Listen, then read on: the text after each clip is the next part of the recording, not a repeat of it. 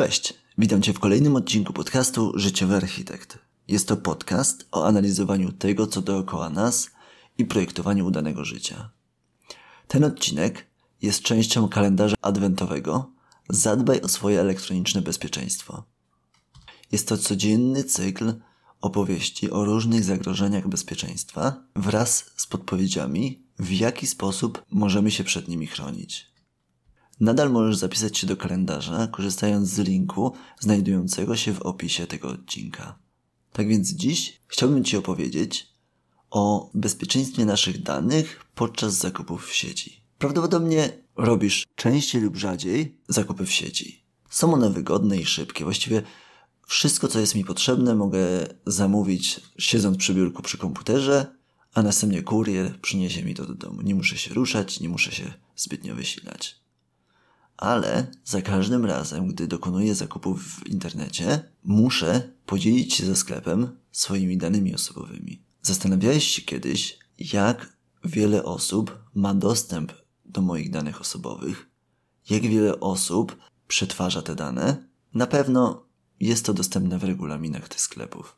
Ale czy przeczytałeś te regulaminy? Czy jesteś tego świadom? Jeżeli nie, to nie ma problemu. Właśnie Ci o tym opowiem. Otóż w momencie, kiedy składamy zamówienie w sklepie internetowym, musimy podać wiele różnych informacji. Zazwyczaj imię, nazwisko, adres mailowy, numer telefonu kontaktowego, adres zamieszkania, dokładny, ulica, numer domu, kod pocztowy, miasto.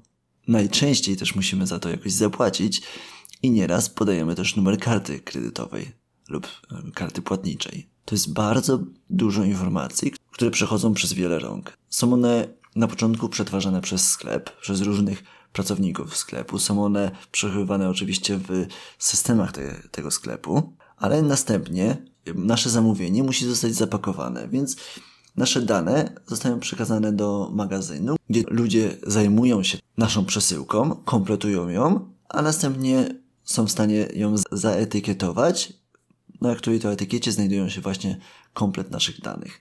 Następnie przesyłka idzie do firmy kurierskiej, do, albo do jakiejś firmy spedycyjnej i tam znowu szereg osób, zarówno osoby, które sortują paczki, jak i sami kurierzy mają dostęp do naszych danych osobowych, o których wcześniej wspomniałem, które zazwyczaj są wydrukowane w centralnym miejscu paczki. Co więcej, nawet nieraz po dostarczeniu paczki przez kuriera paczki mogą przez dłuższy czas leżeć w dość publicznym miejscu, tak jak nieraz paczki są zostawiane na recepcji w blokach i leżą w publicznym miejscu, gdzie każdy zainteresowany może je przeglądać. Tak więc ma też dostęp do tych danych osobowych. Z uwagi na to, jak wiele osób ma dostęp do naszych danych, które używają podczas zakupów, myślę, że możemy traktować się jako publiczne informacje na, na nasz temat. Ale czy rzeczywiście chcielibyśmy, żeby nasz adres mailowy i numer telefonu były publiczne? No nie do końca, przynajmniej w moim przypadku.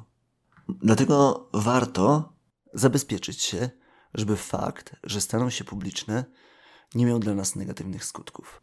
Ja w tym celu stosuję następujące techniki. W przypadku konta mailowego zakładam specjalną handlową skrzynkę pocztową, której adres mailowy zawsze stosuję podczas zakupów w internecie. W ten sposób moja główna prywatna skrzynka mailowa jest czysta od różnego rodzaju informacji reklamowych, od spamu, od niechcianych treści i służy mi tylko do kontaktów z moimi znajomymi, z osobami, na których mi zależy. Następnie żeby zabezpieczyć numer telefonu, wykupiłem starter, który ma bardzo długą datę ważności. I doładowując go raz do roku, kwotą 10 zł, mogę korzystać z tego numeru, jak ja, ja na niego mówię numeru handlowego, do różnych zakupów przez internet. Włożyłem kartę SIM do jakiegoś starego telefonu i w ten sposób za każdym razem, gdy wiem, że oczekuję kuriera, mogę ten telefon włączyć i być w stanie go odebrać. Poza tym czasem jest mi on zupełnie niepotrzebny. I nawet gdyby okazało się, że mój numer handlowego telefonu stanie się publiczny, bardzo mnie to nie boli. Bo po pierwsze, nie korzystam z tego telefonu, a po drugie, gdyby okazało się, że za dużo osób na niego dzwoni, w każdej chwili mogę go zmienić. Co będzie mnie kosztowało prawdopodobnie kolejne 10 zł. To są moje dwie najważniejsze techniki ochrony mojej prywatności podczas zakupu przez internet. Więcej sztuczek i metod opisuję w moim artykule na blogu, do którego link znajduje się w opisie tego odcinka. A w jaki sposób ty dbasz o swoją prywatność podczas zakupów w sieci? To wszystko z mojej strony. Dziękuję za uwagę. Jeżeli spodobał Ci ten odcinek, to podziel się nim ze znajomymi. Chciałbym w ten sposób pomóc jak największej ilości osób.